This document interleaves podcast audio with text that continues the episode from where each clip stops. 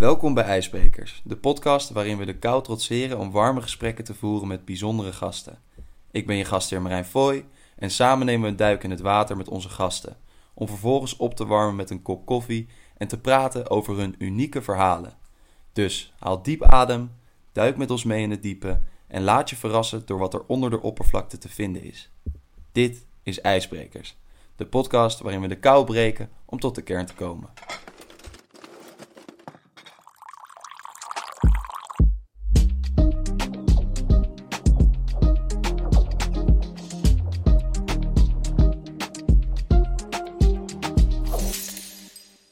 Oké, we zijn begonnen met de allereerste IJsbrekers podcast. Ik zit hier met Hans Dortmans en ik ben uh, Marijn Foy. Het idee van deze podcast is om een fris gesprek te hebben dat niet te lang duurt. Uh, waarbij eerst een duik wordt genomen in het water, hier voor de deur bij mij in Amsterdam. En uh, vervolgens lekker een kop koffie wordt gezet en een lekker gesprek wordt gestart. Ik praat hier met Hans. ja, Hans, wil je even voorstellen? Ja, ik ben Hans Dortmans. Ik, ben, uh, ik woon in Amsterdam en ik ken uh, Marijn al uh, jarenlang, sinds dat hij een baby was. Ik ken zelfs zijn oma, want die was mijn kleuterleidster op kleuterschool. Dus het gaat al, al, generaties terug eigenlijk. Ja, ik ben 61 ehm, jaar. Ik woon wat ik net zei, in het centrum van Amsterdam. voel me in Amsterdam, maar ik kom uit Brabant oorspronkelijk.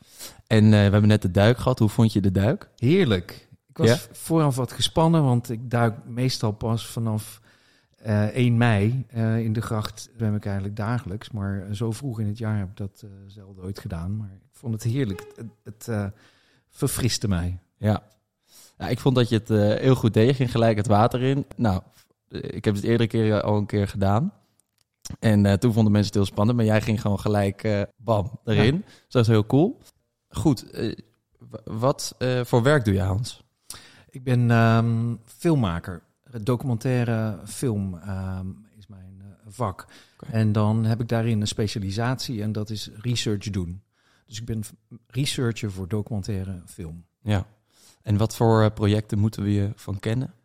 Ik werk meestal voor de NPO en meestal ben ik dienstbaar aan regisseurs die met hun eigen documentaire uh, bezig zijn en probeer ze te ondersteunen bij het vinden van de personages van hun, voor hun films. Maar ook werk ook wel eens aan series, uh, documentaire series. Uh, de, de, de, volgende die nu uitkomt gaat over cyber warfare. Een heel technisch onderwerp, maar ook heel actueel. gezien de hybride oorlog in de Oekraïne en de digitale dreigingen uit eh, China. Maar ik heb ook documentaires zoals in Europa gemaakt. En dat gaat meer over de geschiedenis van eh, Europa in de 20e eeuw. Oké. Okay. Mag trouwens nog, je mag iets dichterbij komen, alsof, de, alsof je bijna een zoen geeft aan de, aan de microfoon. Goed. Maar de, dus dit is een traject waar je nu aan werkt. Maar wij hadden het laatst ook over een ander traject. Ja. Dat was over de, de paling. Ja, ik ben ook een eigen film aan het maken, regisseren op dit moment. Waar, waar ik eigenlijk al vijf jaar denk ik mee bezig ben. Maar vanwege corona eh, is het een aantal jaar in de ijskast komen staan. Ik wilde namelijk heel graag eens de geboortegrond van de paling ontdekken. Werd mij op een gegeven moment duidelijk dat de oorsprong van de paling nog steeds een mysterie is. Het is eigenlijk al honderd jaar geleden dat de eerste ontdekkingsreiziger op zoek is gegaan naar waar die paling nou wordt geboren. Want het bleek eigenlijk dat we in Europa wel palingen hebben, volwassen palingen, maar dat nergens een jonkie te vinden was. Dus mensen zijn op een gegeven moment in de Middellandse Zee gaan zoeken. Daar is geen jonkie te vinden. In de oceaan, in de noordelijke Atlantische Oceaan wel, maar al wat ouder. En op een gegeven moment kwamen ze erachter dat ze zuidelijker moesten zijn. En ze dachten dat moet in de buurt van de Sargasso-zee zijn, uh, tussen Zuid-Amerika en Afrika in. Maar uh, sinds die tijd is dat nog steeds een theorie en het is nog nooit aangetoond waar precies die paling wordt geboren. En volgende week gaat er een expeditie vanuit Duitsland naar de Sargasso-zee toe. En ik ben als één filmmaker uitgenodigd om daarbij aanwezig te zijn om dat uh, onderzoek te kunnen vastleggen. Ja, want uh, zoals ik het begrijp, uh, de paling wordt vooral heel veel gegeten in Nederland. Hij is heel populair op gerookte broodjes. Ja. Daardoor ook niet meer zoveel te vinden in de Nederlandse wateren. Maar ik begreep van jou dat naast dat het een, een lekkernij is... en naast dat het een, eh, ja, een interessante achtergrond heeft... dat het ook een, een, een cultureel belangrijke vis is. Dus dat die ook bijvoorbeeld in Japan... Ja. Ja, wordt aanbeden zelfs. ja, dat klopt. Toch? Dat klopt. Ja, het is, in, in Nederland is het voor mij vooral een nostalgische vis. Die ik me herinner als mijn pa met een pondje paling van de kermis eh, elk jaar eh, thuis kwam. Eh, en in Volendam is natuurlijk de palingsound. Dus het heeft hier ook al een soort iconische betekenis voor Volendam en voor Nederland. Maar dat geldt voor meer landen. Maar in Japan is dat nog veel sterker. In Japan wordt nog veel meer paling gegeten. En houden mensen echt heel bijzonder veel van paling. Want er zijn ook gespecialiseerde unagi, dat betekent paling, restaurants. Oh, Maar- unagi betekent paling. Ja, ja. Oké, want Ja. ik dacht, unagi is toch ook wat ze hebben met, met sushi en dergelijke? Dat je Ja, en dan is dat paling. Dan zit er op de sushi paling. Altijd, Als oké. het unagi. Oké, oké. Maar inderdaad, Japan heeft ook een, eh, eh, een, een Shinto-religie, natuurreligie. eh, en de paling is zelfs een boodschapper bij de Shinto, sommige Shinto-tempels. Dus ik ben eh, in oktober eh, in Japan geweest om opnames te maken voor deze film. En daarbij heb ik eh, gefilmd bij zo'n tempel, bij de jaarlijkse palingsceremonie. Waarbij midden op het altaar een aquariumpje met tien Oh, palingen eh, werd aanbeden. En, en kon je je lach inhouden?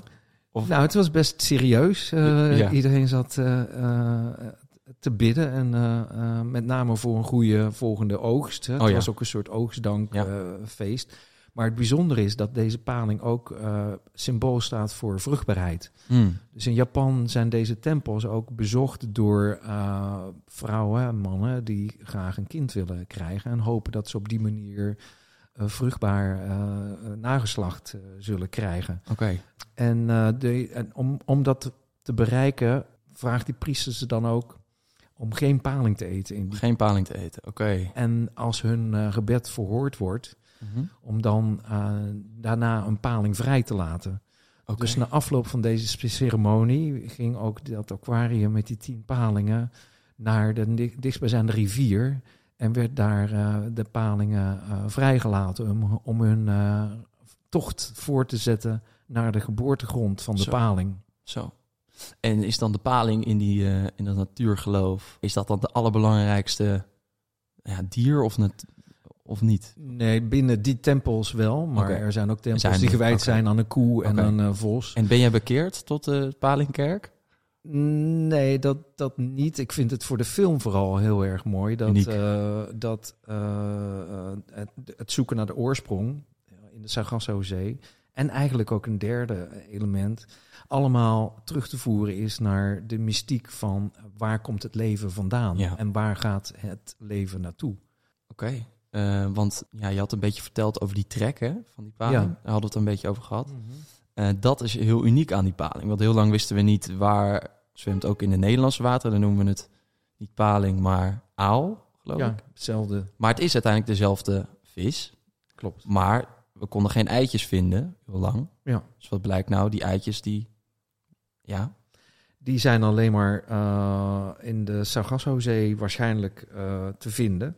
Want we weten nu uit eh, proeven in laboratoria met paling uit de Nederlandse wateren die we met hormonen behandelen, eh, dat we een paling wel hier vruchtbaar kunnen maken. Mhm. Maar dat kan alleen maar kunstmatig. Want een paling die wordt pas eh geslachtsrijp wanneer die eenmaal uit de Nederlandse wateren op weg gaat naar die maandenlange reis naar de Sargassozee. Dus in, die, in die tijd ontwikkelt hij pas zijn eh, geslachtsorgaan. Het is zelfs zo dat Freud, eh, onze grote psychiater, Mhm. eh, zijn eerste onderzoek deed eh, om de testes van de paling te ontdekken. En eh, hij heeft drie maanden lang honderden palingen zitten opensnijden en hij kon ze niet vinden. Ik kon ze niet vinden. Dus hij is toen maar afgeknapt op de paling en zich op de mens gaan storten. Oké, daar meer- kon hij ze wel vinden. En daar kon hij ze wel vinden, ja.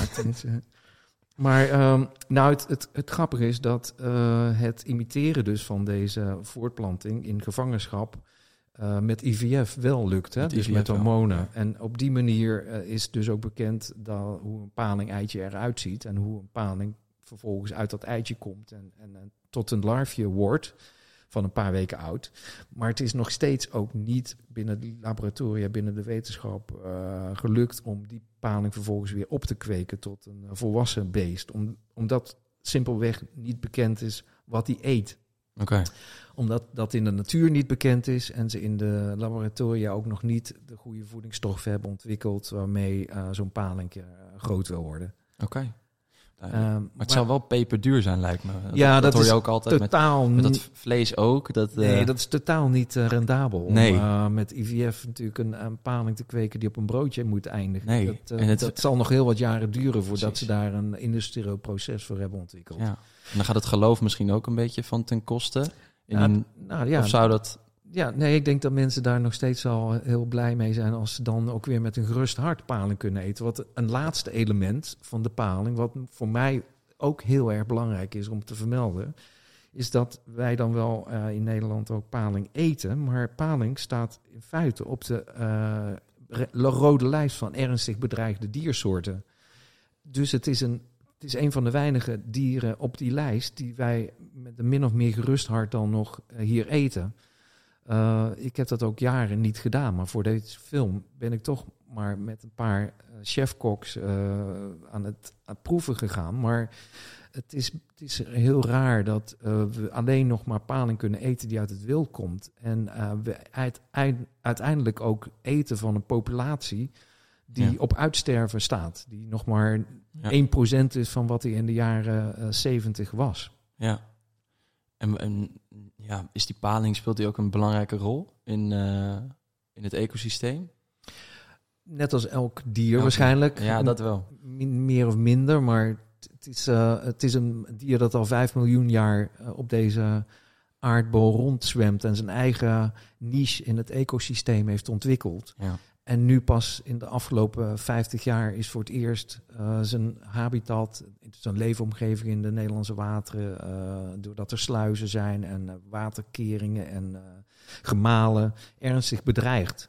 Dus het is door ons toedoen dat zijn hele levenscyclus en die migratie is verstoord. Ja. En als wij daar niet iets aan doen, dan zal dat dier uiteindelijk, ook al heeft hij dat 5 miljoen jaar volgehouden, eh kopje ondergaan. Ja. Jongen, jongen. Ja, ik eet nooit paling. Niet omdat ik het... Ik vind het wel lekker, maar ik vind het iets te duur al eh, bij de, bij de Ja. viswinkel. Ik had wel trouwens ooit een, een, eh, een vriend van mijn oma. En die heette Martin. En die had een, eh, een viszaak in Barcelona. En daar werd heel veel vis verkocht. En daar stonden ze ook bekend om hun broodje paling. Dus ik ben daar afgelopen zomer langs geweest met mijn vriendin. Oké. En die zaak heeft hij onderhand al lang verkocht. Maar hij bestond nog steeds. Broodje van Kootje, zo heette het. Oh ja, elke- Nederlands, ja. Nederlands-Spaanse zaak. Ja. Ja, en toen wel eh, één broodje paling gegeten. Het was mijn allereerste broodje paling, maar Ja. ik ga je beloven ook mijn laatste. Nou, ik heb ook inderdaad in Japan één keer nog paling gegeten. En ik zei, die ene keer dit jaar, dat is voor dit jaar genoeg. Oké. Dat het gewoon, ja, oké. Maar je moest het wel even me- meemaken voor de Ja. documentaire. Ja, en ik wilde het ook graag, want het was bij een gerenommeerde kok. Dus dan eh, heeft dat eh, een enorme betekenis ook. Ja. Ehm, maar waar kunnen we hem gaan zien uiteindelijk? Dus via de EO, waarschijnlijk op tv. Dat in ieder geval. Maar Ja. dat is nog, het is nog niet duidelijk wanneer het eh, precies Nee. uitkomt. Nee, ik sta er niet in boeken. Ik denk dat we best veel over de paling gehad hebben. Hebben zijn we iets vergeten over het, over het project? dat belangrijk ja, vond het paling, paling onderwerp niet iets waar ik zelf elke dag bij stil stond.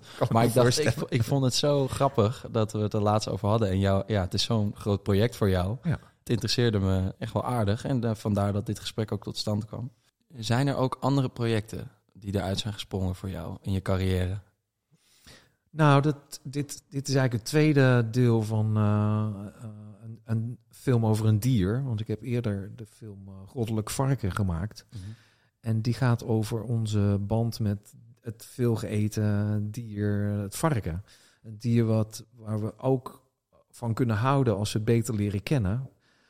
Terwijl tegelijkertijd er ook heel veel mensen zijn in de wereld die het haten. Vanwege een soort religieuze, eh, culturele betekenis die het eh, heeft. Dus ik heb in deze film, Goddelijk Varken, geprobeerd eh, om het varken beter te leren kennen. En te kijken hoe wij erin staan als je een band krijgt met het varken en je toch ook van het vlees houdt. Mm.